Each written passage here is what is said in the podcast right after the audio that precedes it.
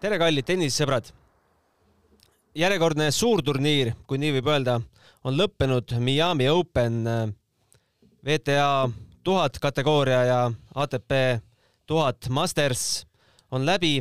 mõtlesime, et seekord võtamegi kokku lõppenud nädalate tähtsamad tennisiuudised. minu nimi on Gunnar Leheste, olen saatejuht ja minu kaassaatejuht Riho Kallus. tervist! ja oleme endale stuudiosse palunud Michelle Lehtmetsa. tere ka minu poolt. no võib vist öelda küll, et teie olete viimastel nädalatel kõige rohkem tennist näinud äh, mehed, sest see, need kellaajad, mis seal Miami's äh, olid, olid eestlastele ikka üle mõistust, äh, üle mõistuse rasked kellaajad kahtlemata kohati rasked, aga peab tunnistama, et ka meie Rihoga päris öösel ikkagi ülekandeid ei teinud, teades, et Riho on väga suur fänn, kindlasti veel pärast öösel need matšid üle vaatas, mida ta õhtul kommenteeris, aga aga minul jäid küll öised, öised matšid vahele, aga tõepoolest, et tennis sai ikkagi söögi alla ja söögi peale ja tegime me Rihoga ja, ja ka sinuga siin kordamööda, kommenteerisime nii mehi kui, kui naisi ja ja nii lõbusalt meil see ligi kaks nädalat läkski no ma võin öelda, minu äh, tennisepäev hakkas äh, kell kümme õhtul ja kuna vihmapausid tulid vahele, lõppes äh, hommikul pool seitse. No mida oli natuke karta, kui ma sinu, sinu sinna nii-öelda tanki panin Riho, mis su ekstreemsem näide oli? no ei olnudki midagi väga ekstreemset selle kahe nädala jooksul, jah, nagu Michelle ka ütles, siis need ülekanded ikkagi lõppesid suhteliselt mõistlikul ajal, kõige hiljem äkki pool kaks öösel või? me päris, päris öiseid matše ei kommenteerinud aga igatahes meil on siis Miami Openi võitjad Hubert Hurkacz ja Ashley Barty. Alustame vast eh, meestest seekord, jätame naised natuke hilisemaks. Hubert Hurkacz tegi ikkagi Poola tennise ajalugu, alistades sinu lemmikmängija Jannik Sinneri finaalis tulemusega seitse-kuus, kuus-neli. kumb teist seda kommenteeris? parandan kohe siin, minu lemmikmängija on Roger Federer no sinu lemmikmängija sellest äh, uuest generatsioonist. uuest generatsioonist. Äh, oleks võinud siis tõusta Miami Openi või kas üldse Mastersi noorimaks võitjaks või? täpselt nii. aga oleksid ei maksa ja eile oli Urkats parem ja teisele küsimusele vastates mõlemad kommenteerisime koos, tegime seda mängu. mis siis, mis siis nagu silma jäi, mis, millega Urkats noore mehe maha murdis? Hurkats äh, mängis äh, stabiilsemalt, et ikkagi äh, hakkas väga bravuurikalt Sinner, aga natuke oli, oli ikkagi tunda, et seda kogemust ja, ja värinat ikkagi oli, oli Sinneri mängus rohkem kui Hurkatsil, ka Hurkatsi võib-olla ainukesed kerged nõrkushetked tulid seal teise seti lõpus, kui ta oli vist peal neli-null ja kaks-viis nulli palli oli, et ise pallima hakata ja muna teha, et peale seda äh, see game läks ära, tuli neli-üks ja peale seda oli näha, et Urkatsil no kerge võiduvärin tekkis, aga, aga, aga tema õnneks ikkagi seda saatuslikuks ei saanud. Riho, sinu muljed? finaalis oli kahtlemata poolakas parem ja, ja võib-olla tõesti Sinnerilt äh, ei olnud kõige parem esitus äh, mängu peale, kogunes päris palju sundimatuid äh, vigu äh, küll jah, teises setis väikesed võimalused seal veel tekkisid, oleks, oleks võinud see asi seal ärev, ärevaks minna, aga Urkats suutis ilusti selle mängu ikkagi lukku panna ja, ja igati teenitud, teenitud võit. vaatame, keda Hurkats äh, veel sellel turniiril äh, võitis, siis need mehed on Deniss Kudla, Deniss Šapovalov, Milos Raonic, Stefanos Tsitsipas, no sellest mängust võite ka vast pikemalt rääkida Andrei Rublev ja siis äh, finaalis Sinner. Tsitsipase mängu, Riho, kas see oli samal õhtul, kui olid need äh, naiste poolfinaalid?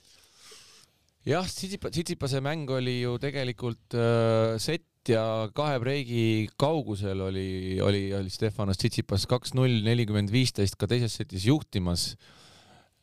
aga jällegi taaskord äh, oli, mis oli äh,. Hurkats tuli sellest seisust välja, suutis selle teise seti võita ja ütleme nii, et kõrgema paigutusega mängija ei, ei saanud selle pingega ise hakkama, et tuli seal juba isa väljakule ja läks seal kõvaks sõna, sõnavahetuseks nii pukikohtuniku kui oma tiimiga, et Urkats säilitas rahu ja, ja mängiski lõpuks selle matši ikkagi stabiilsemalt kui Tsitsipas. see oli tal võib-olla jah, selles mõttes, kui seda esimest matši poolt vaadata, võib-olla turniiri üks raskemaid, raskemaid hetki küll elas ka matšpalli üle siin turniiri jooksul, aga, aga, aga selleks üle, üle, üleüldse tervikuna see matš võib-olla oli tal üks raskemaid kindlasti.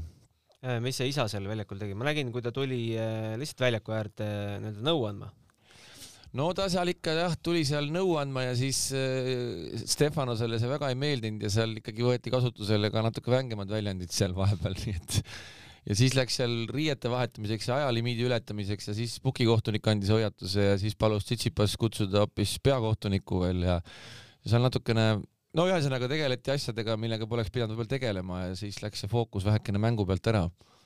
Äh, Tsitsipase kaotusnumbrid kuus, kaks, kolm, kuus, neli, kuus. et jah, me eile just arutasime ka, et, et võib-olla üks äh, kaks tuhat kakskümmend hooajal ka vaata, et võib-olla üks õnnetumaid vendi, kes on ikka väga valusaid äh, kohtumisi kaotanud ja ega see oli üks, üks nendest taaskord Tsitsipasel. no ta ise ütles, et ta, lugesin mingit intervjuud, et ta oli kaks nädalat lihtsalt väga krampis.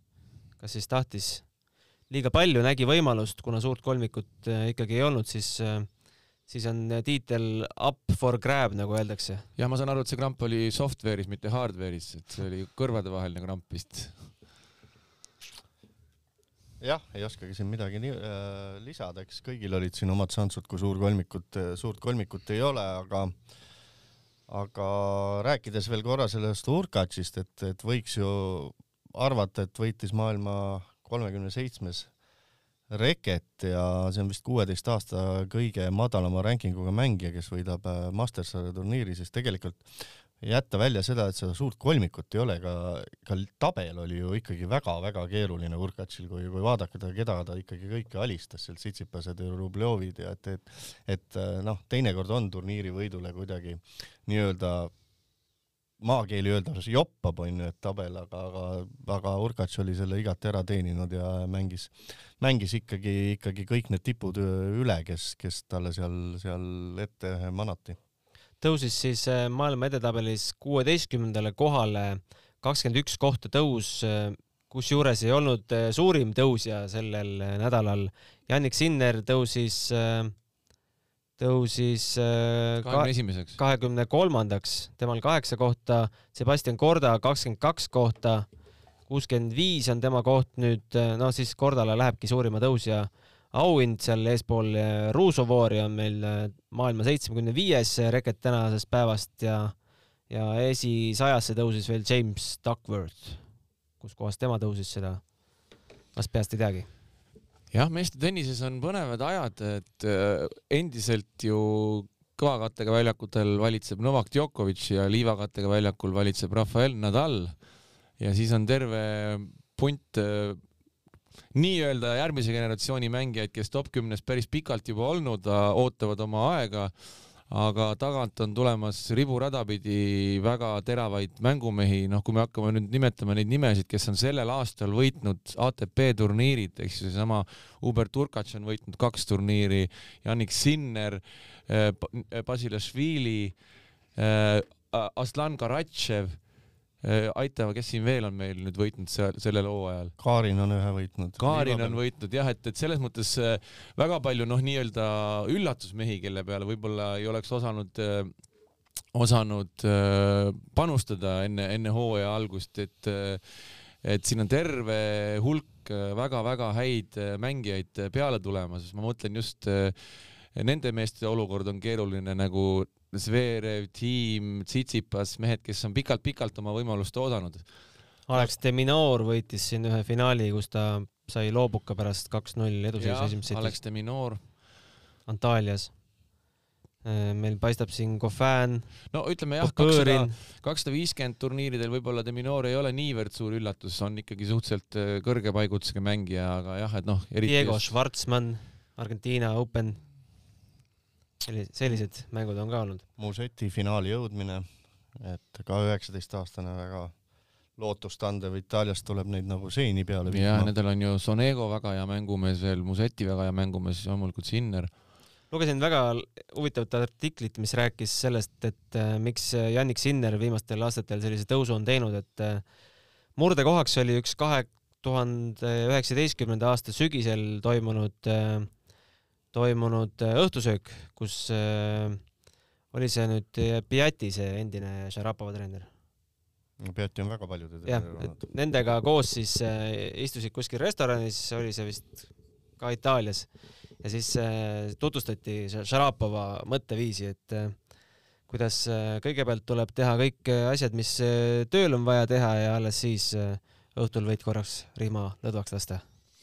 Jah, mulle jäi meelde sellest äh, Miami Openist Janik Sinneri kuldsed sõnad selle kohta, kui küsiti ta käest Austraalia tuuri kohta ja ATP tiitli kohta, et mis, mis siis kõige meeldejäävamad hetked on ja ta tõi välja hoopis äh, treeningud Rafael Nadaliga.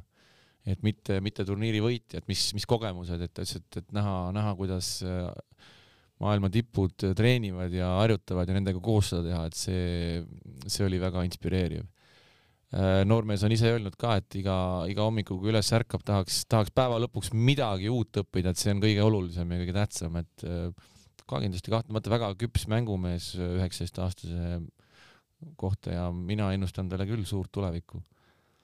jah, peaks ainult tervis vastu. aga kuidas teile tundus, oli see turniir ikkagi päris terviklik, sest äh, meil ei olnud seal no top neli vist tervenisti jäi eemale, kel, kes tõi seal põhjuseks tervise, kes seal muud asjad, aga ühine nimetaja on ikkagi see, et äh, tahtsid ennast valmis panna liivahooajaks äh,, mitte võib-olla riskida siin kõva väljakul vigastada saamisega ja, ja olla pere lähedal, sest koroona ajal ei saa ju lähedasi tuurile kaasa võtta ja kuigi Andrescu näitel nägime, et Andreskul oli seal terve suguvõsa ju tribüünil. No mina peaks, pean küll seda ikkagi, ikkagi täisväärtuslikuks, et äh, ei mäleta kolme aasta pärast äh, keegi seda, et, et see nii-öelda pooliku koosseisuga oli, et Turkatsit seda tiitlit keegi kunagi ära ei võta ja ükskõik, kui see tallegi viimaseks jääb, saab ta oma lastelastele seda viiekümne aasta pärast näidata ja ei tea seda keegi, et ei olnud seal ei Nadali, Federeri ja Djokovic'i ega tiimi, et ma usun küll, et äh, selles suhtes. Aga, aga kindlasti selle, äh, selle põhjuseks, mis, miks ka äh, tipud, noh, sa nagu mainisid, et kõik siin liivahooajaks valmistuvad, ma natuke sinuga selles suhtes vaidleks vastu, et ma usun, et Roger Federer midagi siin liivahooajaks väga ei valmistu, et ta seal erilisi mingeid eesmärke kindlasti endale ei sea, kas ta üldse seal, palju ta neid turniire kaasa teeb, raske öelda aga, aga kindlasti see edetabeli süsteem, mis on see koroona on nii sassi löönud, et põhimõtteliselt, et et sa mängid või ei mängi, et sa kõigud seal ikka Roger Federer on ikka, ikkagi top, mis ta on nüüd seitsmes või kaheksas, et kuskil seal top kümnes rahulikult ja ja ei kuku ta sealt kuhugi ja, ja, ja põhimõtteliselt no nüüd hakkab see natukene muutuma, et, et võib-olla on see, see pisut äh, pisut ikkagi äh, inspireerivam, et neid punkte, aga, aga samas jälle ma usun, et noh, Novak Djokovic on maailma esinumber, temal on mul loomulikult need punktid tähtsad, aga ma usun, et et Nadalile ja noh, Federer saab kindlasti aru, et, et top äh, nii-öelda ühte ATP-s enam püüda on noh, no oleme ausad, võimatu. et tema jaoks see, et kas ta on seal nüüd äh, kuues või kümnes võib-olla noh, mõni asi, eks ja raha pärast nad ammu seda, seda seal taga ei aja nii-öelda seda ja, ja, ja need Masters sarja tiitleid on ka noh, Nadalil ja Djokovicil ja Federeril kolme peale kümnetes ja kümnetes, kümnetes, et usun, et ikkagi fookus on pigem selles, et mõlemad kõik on juba suhteliselt eakad tennisistid, et ikkagi, et äh, Nadalil kõige suurem fookus, et liivahooajaks võimalikult äh, võimalikult värske olla ja kui ta peab isegi seal võib-olla Madridist või Roomast loobuma, siis Prantsusmaa lahtiste pärast, siis ta seda rahulikult teeb. ja Federeril mõistagi on, on kõige suurem fookus Wimbledonis. ja mis seal ikka, et, et eks ta, eks ta, eks ta suuresti kõikide nende asjade koosmõjul see natuke lahjemaks see Miami Open jäi edetabeli süsteem peaks olema praegu vist äh, selline, et äh, ära hakkavad punktid kukkuma viisteist märts kaks tuhat üheksateist. ehk siis kakskümmend neli kuud, no nüüd on just see moment, millest, millest, millest sa rääkisid, et äh, see on tegelikult see põhjus muidugi. aga vabandage, kui mu küsimus liiga võhiklik on, aga kas kunagi ei olnud Äh, sellist süsteemi, et äh, mingid turniirid olid lausa kohustuslikud äh, ATP tippudele osalemiseks. Need on kogu aeg kohustuslikud olnud, need on siiamaani kohustuslikud. mis see karistus on siis? aga kuidas sa Federerile ütled, kui ta jätab turniiri vahele ja ütleb, et ta tunneb vasakus põlves kerget, kerget torget ja, ja ma jätan selle turniiri vahele või mul ei ole füüsiliselt taastunud, et see on selline äh, selline reegel tegelikult, mida, mida, mida noh, suht mõttetu reegel tegelikult. on keegi kunagi üldse saanud äh, karistada selle eest, ma ei usu. ma ei ole küll kuulnud. ma ei, ka ei, ei, ei oska öelda, et, et oleks, aga noh, tegelikult seal on ju, me teame, et seal on ju madalamatel turniiridel ka tippudel stardirahad ja ära jagatud, kes, kes kus turniiridel osalevad, et asjad, millest nagu avalikult ei räägita.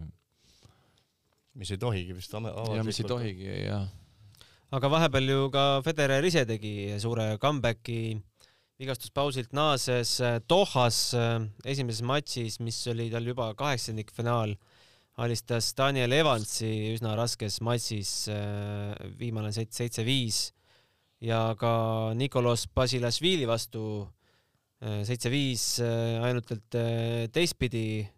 sa oled, Riho, ise Basilashvilit alles hiljuti lähedalt näinud mängis ta selles Eesti-Gruusia? ta mängis äh, Ivanoviga ja äh, äh, seal Davis Cupil. vaatasid talle otsa, et no see mees paneb küll varsti Federerile ära? nojah, ei, ei, ei osanud küll, ei osanud küll seda arvata, seal oli tegelikult esimeses setis Ivanovil ka päris head võimalused, et ma ei mäleta, kas seitse-viis või see sett vist, vist lõppes või kuus-neli, aga, aga napilt, napilt esimese seti võitis, teises setis küll vajutas natuke juurde.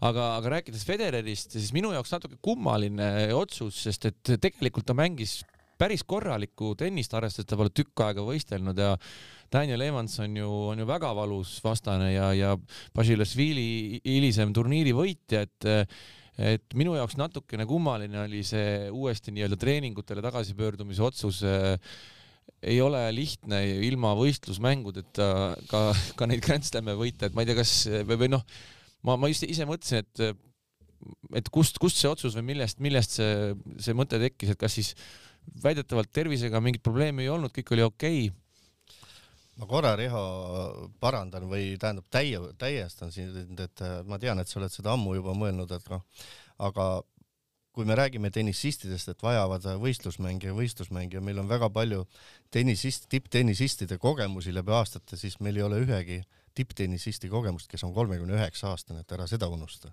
et ta on kohe nelikümmend ja, ja seda, seda ja, me ei tea, mis. aga, aga, aga vaatamata sellele, ega tal, ega tal lihtne ei ole seda comeback'i niimoodi teha, et ta tuleb Wimbledoni ja mängib, et, et mingeid võistlusmänge ta peab saama, noh, et, et fakt on see ja, ja, ja, ja see on ju eriti karm äh, proov äh, muidugi vaadates ka, vaadates ka taaskord jälle neid nii-öelda mängijaid, kes peale tulevad ja rääkides Grand Slamidest, äh, kaks täiesti erinevat äh, nii-öelda turniiri ja, ja ülesannet, kui sa pead ikka kaks nädalat mängima viiest parem matše, noh. küll, küll ta alles mängib soojendusturniiri, ole rahulik. jah Halle oli vist jah, et kus ta ennast kirja on pannud, see on juunis selle turniiri nimi Noventi Open et kui ei teaks, mis turniiriga tegelikult tegu on, siis vast ei, ei tulekski selle peale. aga ütles siis sellise lause, et äh, miks ta nüüd pikema pausi jälle võttis, et äh, ei taha osaleda kuskil nurgatagustel turniiridel ja teises, teises-kolmandas ringis äh, tappa saada. et tema soovib ikkagi võita kõige suuremaid tiitleid ja alistada kõige paremaid vastaseid. nojah, aga peab Miami't juba nurgataguseks. jah, just oli Miami ATP Masters tuhat turniir, et palun tule ja mängi, et liiga nurgatagune tema jaoks. liiga nurgatagune, jah aga igatahes äh, oleme nüüd rääkinud äh, üheksateist minutit äh, meestest, tegelikult toimus ka naiste turniir, põnevaid matše, kahjuks finaal kujunes selliseks, et Ashley Barti oli kuus-kolm, neli-null Bianca Andrescu vastu ees, kui hakkasid siis äh, asjad tegelikult juba varem juhtuma, et Andrescu seal libastus ja siis ta lonkas ja siis olid pisarad silmis ja kahjuks siis äh, valu oli nii suur, et pidi andma, andma loobuka. Michelle, sina seda matši kommenteerisid Delfi tv-s ja Inspiras. said sa, sa kasutasid alguses üldsegi, et äkki põlvega mingi häda? No väga déjà vu tunne oli kaks tuhat üheksateist WTA finaalturniiril, tal Zen, Zenis vist oli see finaalturniir, ju see põlv tagurpidi läks, millest ta nuttes väljakult ära tuli ja see oli ju sisuliselt üle aasta oli ta tenniseväljakult eemal.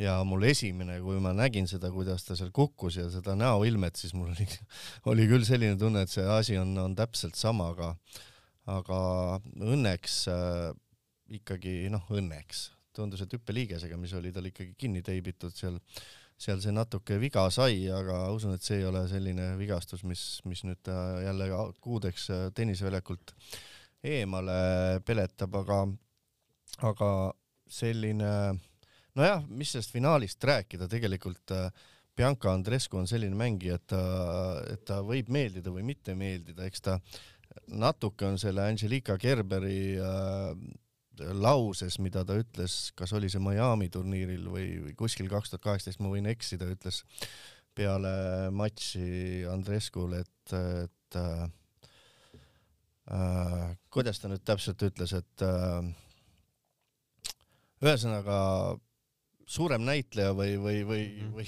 või, või mida eales, keda ma näinud olen, on ju, et natuke on selles, selles äh, Gerberi lauses ka tõde, aga aga selline, kui vaadata, mis tiitlid on Bianca Andrescu võtnud ja milliseid mänge on mänginud, siis ta tegelikult, kui naiste tennisest niimoodi pikas perspektiivis rääkida, siis minu tunne on küll selline, et kui Bianca Andrescu tõepoolest enda jalad ja, ja kõik tervise korda saab, et, et et pakun küll välja, et see võib, äh, sellest naisest võib tulla Serena Williamsi mantlipärija. vot siuke avaldus.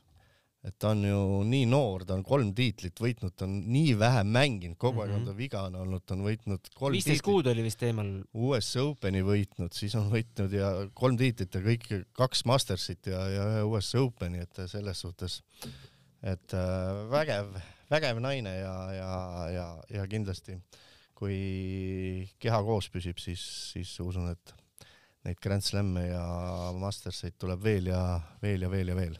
No viimane uudis oli see, et ta eile siis ise Instagramis andis teada, et vigastus ei ole väga tõsine, äh, aga peab loobuma Billie Jean King Cupi play-off'ist, äh, see oli siis kuusteist, seitseteist aprill äkki Serbias ja loodab varsti tagasi olla. Õnneks ei oska kommenteerida need loobumised nii-öelda. nagu finaalis sa ei saa ju teeselda, no ja, ja. kes seda finaali pooleli võtta? Ma mõtlen just jah, et, et kurb, et, et see, et see Fed, Fed Cup on jälle see, kust tuleb loobuda, aga, aga ja. nii on paljudel mängijatel paraku. aga Ashley Bartist äh, üldisemalt rääkides tema turniirist, äh, äh, mida, mida me kostame, et võidud no esimeses ringis või noh, tema jaoks teises ringis äh, selline Slovakitar nagu Kristina Kutšova, seal oli matšpalliga taga korraks isegi. Äh, siis seejärel Jelena Ostapenkos sai jagu kahes setis, äh, siis oli kaks kolmesetilist lahingut Viktoria Azarenka ja Riina Sabalenkaga, Sabalenkaga ja Elina Svito-, Svitolinas sai jagu kiirelt kuus-kolm, kuus-kolm, seda kommenteerisin ise no mõned äh, väga suured võidud ikkagi. Kolm, äh, kolm top kümme võitu järjest. jah, et äh, ega oleme ausad, ega Ashley Barti päris põhjuseta ka maailma esinumber ei ole kuuskümmend üheksa nädalat siis juba olnud, et et ikkagi suhteliselt stabiilne ja, ja, ja naiste äh, tennise jaoks selles suhtes, et väga paljudel ikkagi ebamugav vastane, et mängib äh, natuke ebatraditsioonilist tennist naiste äh, suhtes, et väga palju lõikab oma tagant kätt ja mida väga paljud naised on ikkagi hädas nende rütmimuutustega ja, ja võttis, võttis selle, mille, mille Osaka nii-öelda ripakile jättis, et sealt turniirilt Osaka oskas kaotada ja, ja Paarti kasutas enda võimaluse ära ja kindlustas sellega oma edetabeli kohta. no mulle meeldib Pardi puhul see, et tal on kogu aeg kolm-neli sammu ette mõeldud nagu, nagu males ja kõik need sammud tulevad tal suurepäraselt välja ka, et äh, serv, võrku, siis on juba teada, mis sealt edasi tuleb. jah, kõik, kõik elemendid on head, võib-olla natuke jätab see tagantkäe tagant ka kaetud löök tal soovida, aga, aga see mängutarkus ja rütmivahetus ja, ja kõik see on muidugi ekstra klass. aga mis siis ikkagi Osakaga juhtus? See oli siis veerandfinaal Maria Sakkari vastu null kuus, neli kuus. pean tunnistama, et olen näinud ainult tipphetki.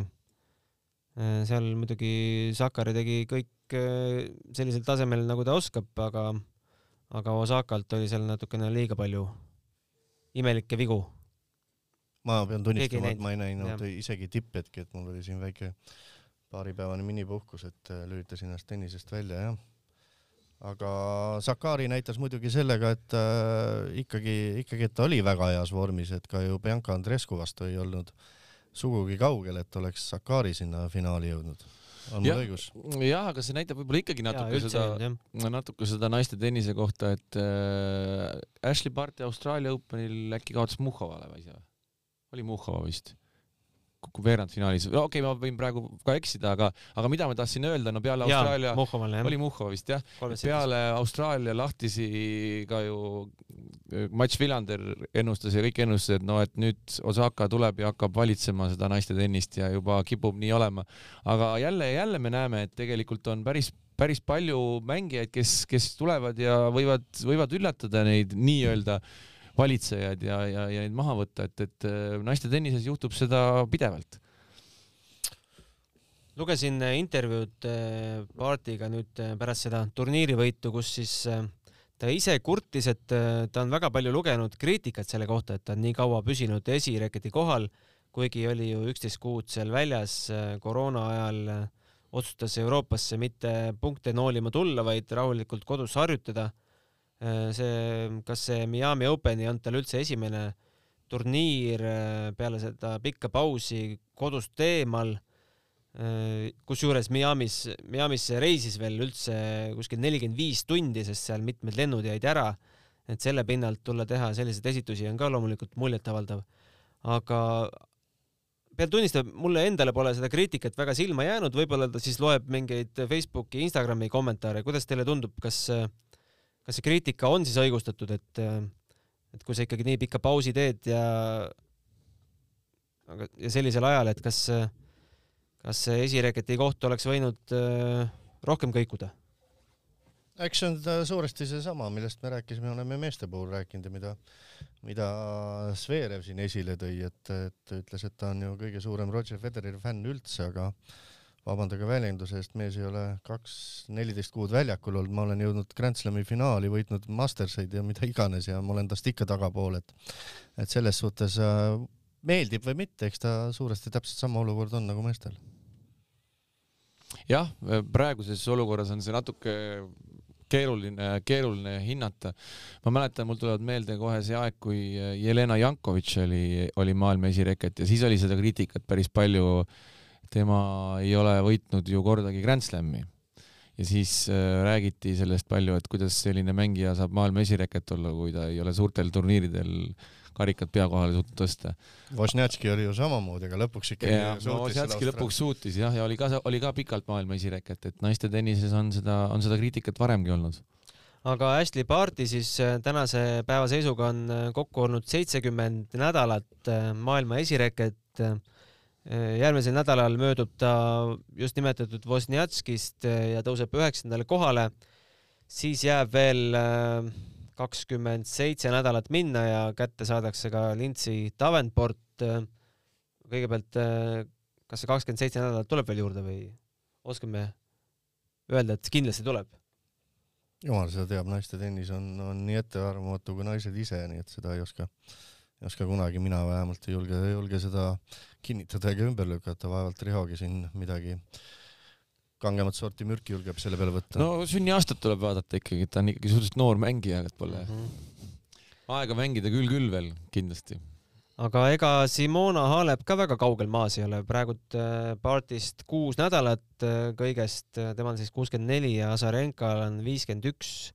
no sealt vast enam suuremat tõusu ei tule aga vaatame, kes veel ettepoole jäävad. Äh, seitsmes koht Justine Hanan, sada seitseteist, äh, siis on veel Monika Seeles, Martina Hingis on viies, Chris Evert neljas, Serena Williams kolmas, Martina Navratilova teine ja Steffi Graf esimene. Riho, sa enne saadet äh, lugesid siin kohe üle, et äh, keda Kaia on nendest võitnud? ja ma vaatasin, et siin nimekirjas on päris mitu nime, keda Kaia võitnud on no,. Viktoria Azarenka, Simona Halep, Karoliina Wozniacki, Justin Henin. peaks olema need nimed aga see selleks jah ja. kas te, kas Devenportiga ka Kaia mängis või oli Devenport juba lõpetanud? ei, ma arvan, et oli ka, on ka Devenportiga mänginud, vaatame ka võib-olla selle, selle järgi siis siin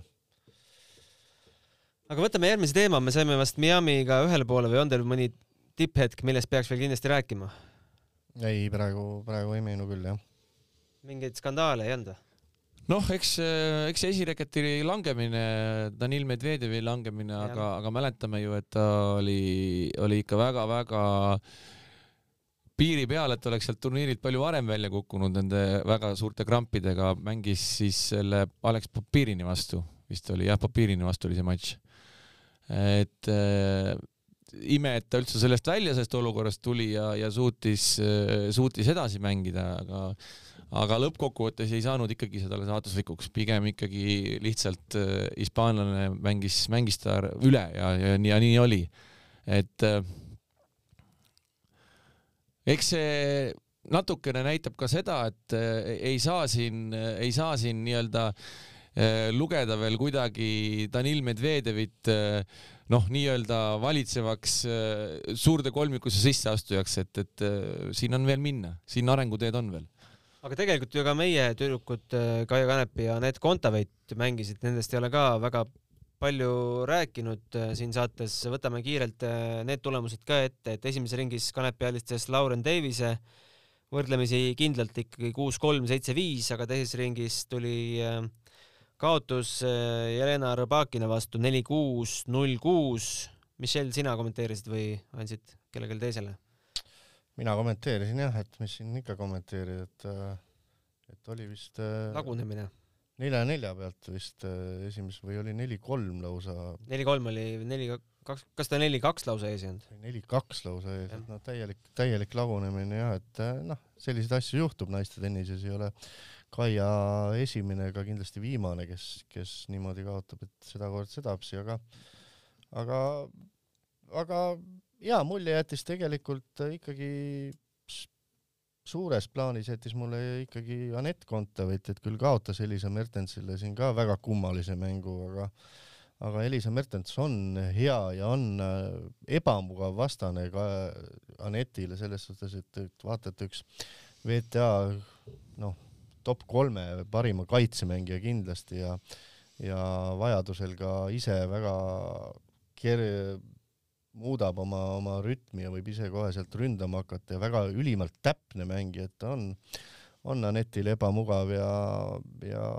ja Anett ühe seti suutis ikkagi Mertensi vastu võita ja lausa muna teha, et et minule jättis Anett küll väga korraliku mulje, et mingiks paanikaks küll põhjust ei ole ja mina olen täiesti nõus, nõus sinuga, et äh, loodame ikka tõusu, tõusu, tõusu Anetilt. aga mõlemad siis otsustasid Miami'sse mitte minna ja valmistuda, valmistuda liivahooajaks Euroopas. võime vist äh, üsna kindlalt öelda, et Anett alustab äh, Stuttgardist, nagu tal tavaks on saanud. nii ta ütles ise jah ja Kaia kohta küsisin äh, Indrek Tustitilt äh, eile, ütles, et nemad pole veel sada protsenti otsustanud, äh, mis, mis edasi teha. aga nii palju, kui kuulda on olnud, siis igasugused need Roomad ja Madridid ja French Openid ja asjad on tal ikkagi plaanis. Tokyo on veel küsimärk üldse, kas Tokyo olümpia see aasta toimub või mitte aga kui me juba seda French Openit mainisime, siis äh, noh, väga kurvad uudised on jälle sealt Prantsusmaa poolt, et äh, Prantsusmaa on äh, jälle lukku pandud, lukuvõti ära murtud kuidas see laul oli? igatahes ja on siis päris mai keskpaigani kardetavasti lukus, aga mai keskpaigas või seal mai lõpus just peakski hakkama French Open ja siis äh, lausa spordiministri tasemel on juba seal arutelud, et äh, kas seda saaks jälle kuhugi edasi lükata? jah, aga see aasta on see edasilükkamine märgatavalt raskem, kui ta eelmine aasta oli, et ülejäänud turniirid on ju kõik kavas ja kalender on täis tikitud, et äh, ka Wimbledon on, äh, on oma kavas ja USA lahtised, et noh, kindlasti hea tahtmise korral leiab selle augu, aga, aga keeruline ta on ja, ja väga-väga muidugi kahju, kui ta ära jääb, kuigi eelmine aasta oli ka ju, ju kogu aeg see jutt, et mis seal sügisel see ilm on seal äh, äh Pariisis, aga ja, tegelikult oligi kohutav. No tegelikult ei olnud kohutav, turniir oli iseenesest ju ikkagi, ikkagi mängiti väga korralikult lõpuni ja kohati oli kohutav, aga, aga ei midagi hullu, et, et ähm, ma mäletan, et, et on kindlasti tennist ja ATP ja WTA turniir on palju külmemates oludes mängitud, ma ei mäleta nüüd, mis turniir see USA-s ükskord oli, kui me Margus Ubaga veel kommenteerisime, kas see võiski seal kuskil Charltonis olla, aga igal juhul seal oli pluss neljaga hakati mängima ja, ja mängu lõpuks oli see vist pluss kolme peale langenud ja mängiti ka tennist liiva peal, et need ei ole, ei ole hullu midagi, aga, aga mõistagi oleks muidugi parem, kui ta ikkagi oleks seal, kus ta, kus ta koht on ehk mai lõpus, aga ei tea mina ja ei tea keegi veel praegu, kas see toimub või ei toimu, et, et loodame no suhteliselt kummaline selles mõttes, et äh, kõik on juba ju selle mulliga ja ilma publikuta harjunud, et, et mis seal Frenchil teistmoodi, et noh, riigid on kinni ja on, ongi kinni, aga. no aga kui riiki ei lasta sisse inimesi, siis on nagu väga raske ilma mängijatega peeta seda turniiri no,. Austraalia ka ei lasknud, aga tegi mängijatele ikkagi no, erandi. just, ma seda mõtlengi jah, et no jaa, aga Austraalia kohta on muidugi seda kriitikat noh pärast tagantjärgi ka nii palju olnud, et siin väga paljud on öeldud, et seda mulli nad eh, kaks korda nii-öelda üle ei ela, et kui peaks see Prantsusmaal samamoodi olema, et et topitakse sind seal kevadises Pariisis kaheks nädalaks eh, hotellituppa ja sa ei tohi sealt ninagi välja pista, siis, eh, siis ikka väga paljud mängijad on öelnud, et seda nad enam, enam, enam üle ei elaks. noh, ei tea, kui Eiffel torni vaade on hotellitoaste peale, pole nii hull. aga aga kas vaktsineerimine võiks olla lahendus? vaktsineerime mängijad ära, laseme, laseme treenima, omavahel suhtlema. Riho mis, teab seda, Riho, Riho kaasa on, on arst ja Riho räägib sellest täpsemalt. ei no on ju õhus jutud, et kohe-kohe on Euroopas vaktsineerimispass ka varsti olemas, nii et ma usun, et see võib siin lähima poole aasta teema olla, et miks mitte. oota, aga see kollane, mis sul kodus on, kärtsus, närtsus, see ei olegi vaktsineerimispass või? see vist ei ole aga kuulsamatest mängijatest on näiteks Simona Halep juba vaktsineeritud, tehti suur meediaüritus Rumeenias. samas on öeldud, et Andrei Rubljov, et tema lihtsalt ei näe sellel mõtet. kas ei no kes ei näe mõtet, see ei osale, väga lihtne. Svitolina ütles, et ma ei usalda seda vaktsiini. The Guardiani artikkel on see. kes veel on öelnud, et ATP ja WTA on teinud ühise ühise pressiteate, et nad äh, julgustavad äh, mängijaid vaktsineerima. Djokovic ei usu üldse vaktsiinidesse. ega üldse koroonasse. üldse koroonasse et ühesõnaga tenniserahvas on ka nagu lõhestunud nagu, nagu, ikka, nagu kogu nagu, muu rahvas. nagu kogu muu rahvas, ega miks nad teistmoodi, kõik inimesed. jah, noh, mina, ma ei oskagi midagi siin rohkemat lisada, et võiks ikkagi kogu maailma rahva ära vaktsineerida ja saaks eluga edasi minna. iseasi, kaua, kaua see vaktsiin püsib, aga, aga palju te olete kursis sellise mehe tegemistega nagu Benoit Peer ja tema tankimised, nagu vist äh, inglise keeles öeldakse. Eesti keeles on see lihtsalt mängu äraandmine mis me rohkem ikka kursis oleme, kui Youtube'ist neid aeg-ajalt äh, vaatad, et kui midagi tuju natuke paha on, siis paned, sinna Benoit Peer sisse ja hakkad, hakkad vaatama, et, et tegelikult selline, ma ei oska öelda, mulle ta meeldib isiklikult, aga, aga väga kummalised käitumised ja kunagi ei tea, mis sealt tuleb ja ja eks tal on äh, mõned korrad ka õigus olnud, Riho, mäletad seda turniiri, mis me, mida me kommenteerisime siin, ma ei mäleta ise täpselt jälle, neid on nii palju olnud, kui ta, kui ta nii-öelda tuli ka kuskilt koroonast ja, ja, ja, ja oli vist esimese ringi matš tal ja oleks võinud see vabalt panna järgmisele päevale, et Ameerika lahtistelt tuli. jah ja. ja.. äkki see oli Rooma? No mida iganes ja, ja, ja. siis pandi ta kohe nii-öelda liivaväljakul mängima, nii et ta ei olnud sisuliselt välja maganudki ennast ja, ja no igati õigustatud, tegelikult oli seal pahane, aga see, mida ta muidugi korraldas, ega see, ega see ilus ei ole. vist oli kõige hullem stsenaarium oli Buenos Aireses tal, kus ta äh, sattus siis mingi piiripealse palliga sõnelusse ja siis sülitas selle märgi peale.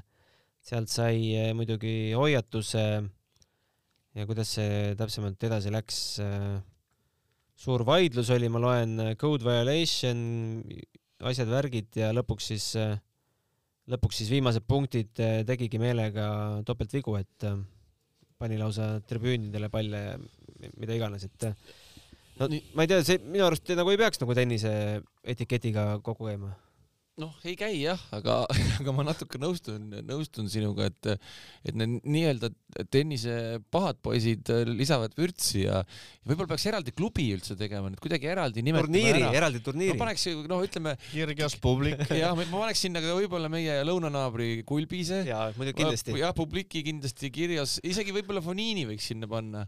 heal päeval Fonini. ja heal päeval, heal päeval Fonini, et võiks olla mingi eraldi klubi, kes nagu nii-öelda hoiavad hoiavad seda teravust üleval. eraldi see mängijate ühendus. just, just. president on siis John McEnroe. ja John McEnroe on president, sobiks väga hästi. Djokovic ju sobib ka sinna klubisse. jaa, Djokovic sobiks ka sinna täitsa, jah. ja reeglid on ka vabad. jah Neid on alati huvitav jälgida, neid on alati huvitav jälgida ja natuke nad ikkagi lisavad vürtsi, et peab. jah, seekord ma mäletan ju publik ütles ka peale mängu, ütles ju Sinnerile, et you are not a human, you are fifteen years old and you play so good lööb matšpallil alt serve ja väga huvitavad mehed.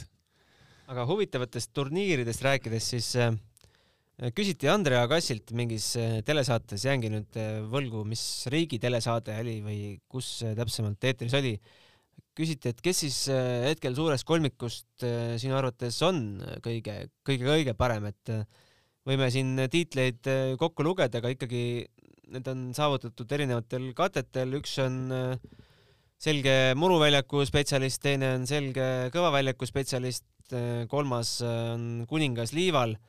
et aga kuidas siis, kuidas siis saada teada, kes on kõige parem ja siis Agassi ütles, et et see on tegelikult väga lihtne, et korraldame turniiri, kus nad omavahel sada korda omavahel mängivad. ja turniir toimub erinevatel katetel ja siis, kui see turniir läbi on, siis küsige uuesti ja ma vastan teile. mis te arvate sellest äh, mõttekäigust?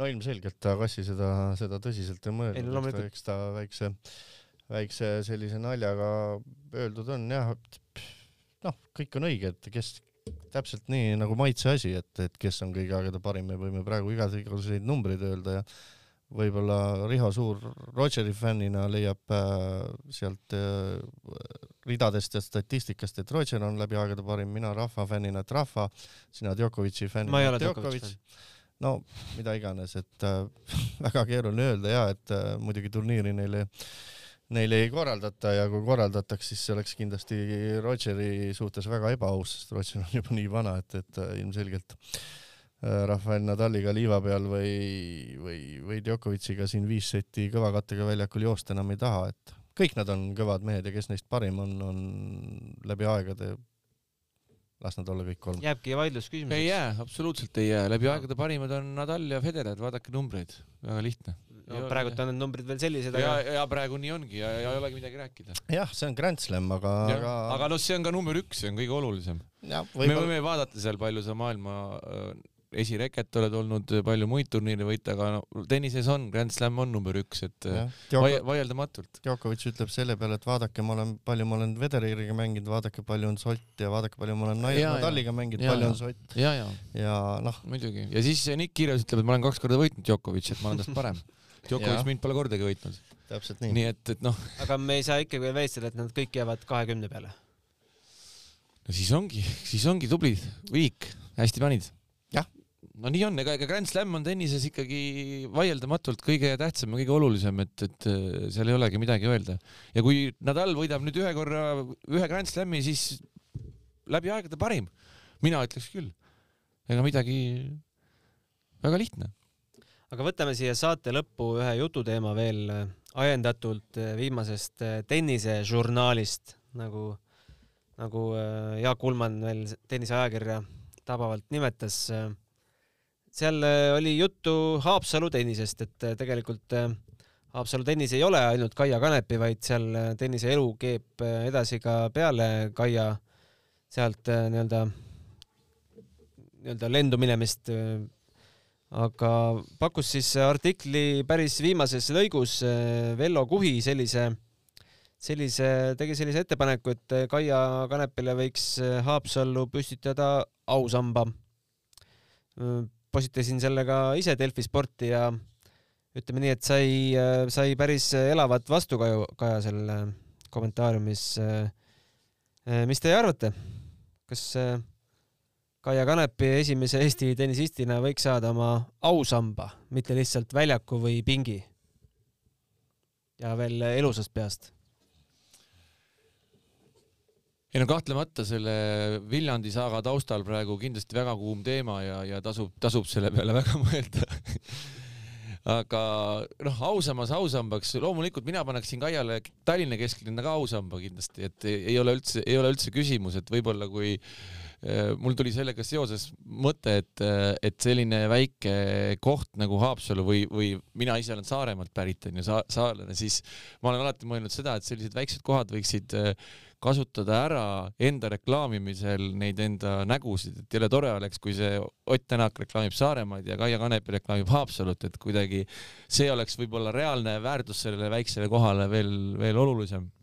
niikaua, kui nad maailmas äh, pildis, pildis on, aga aga küll, küll Kaiale jõuab seda ausammast veel püstitada ja Kaia mängib, täna peaks tegema kõik selleks, et äh, aitame teda nii palju kui võimalik, et ta püsiks nii kaua, kui, kui vähegi saab äh, veel tuuri peal, see, see oleks number üks.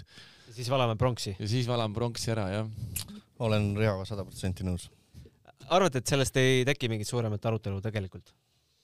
seda ma ei tea, ma nii tõsiselt seda praegu praegu ei võtaks ja ma ei tea, mulle meeldiks see idee väga, ma arvan, et see võiks olla. aga hakka vedama seda asja. jah, mul ei ole raha raha, raha, raha, raha, raha taha ei jää asi kindlasti. raha pole maa peal. Riho aitab mind rahaga. teeme oma panuse. ma annan ka oma kopika kindlasti ja. No, mina ka. teades, kui, äh, milline saaga on olnud äh, selle taga, et äh, Kaia Kanepi lähedastele ei sobi need pildid, mis, mis, mis avaldatakse ajalehtedes, siis noh, kindlasti väga raske saab olema, et millises, millises kas siis mängusituatsioonis või mitte mängusituatsioonis me Kaiat kujutaks. mina kujutan küll ette, see võib olla mingi võiduhetk, ühes käes on reket, teises käes on rusikas püsti või mõlemad käed taeva poole oleme ka seda näinud, onju jah, ma saan alati sellest ka ajakirjanikest aru ja, ja fotograafidest, ega see noh, ükstaskõik, keda sa pildistad, kui sa pildistad inimest võistlusoos pingutuse hetkel, noh, sealt ilusat pilti saada ongi võib-olla näoilme ongi selline, nagu ta on, et et ma isegi mäletan, kui ma kunagi Kaia, Kaiat natuke aitasin, siis tegime spetsiaalselt siis fotosessiooni, pani oma lemmikriided selga ja tegi treeningut ja pildistasime väga ilusad pildid ja tore, eks. Ju, kui sa kolm tundi oled väljakul seal olnud ja on, on mingi raske moment, noh, siis see pilt ongi nii, nagu ta on, et ega noh, ei saa pahaks panna ka ju pildistajale. hetke emotsioon on ju see, mille sa sealt kätte saad, aga, aga okei okay,, mis meil ees on ootamas, kus, kus meil Delfi tv-s vast enne tennist ei näe, kui meie enda liigad seal ei võistle või siiski poolfinaale, finaale näeb hoolimata sellest, kuidas, oled sa kursis, Michel? no äh, põhimõte peaks olema niimoodi Delfi tv-l ja Inspiral, nagu ma olen aru saanud, et premeerklassi turniirid ehk siis viissada turniiridel näidatakse ainult finaale Premier Mandatoorid ehk vanad Premier Mandatoorid ehk siis praegu WTA tuhand sarja turniiridel näidatakse poolfinaali ja finaale.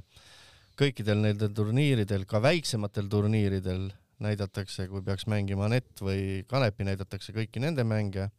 Ja nii lihtne see ongi, tõsi, üks äh, Premier klassi turniir äh, siin üle-eelmine nädal lõppes, sealt finaali ei näidatud, aga aga kõige lihtsam ja, ja kõige kindlam on ikkagi ja lugege Delfi tv uudiseid ja seal.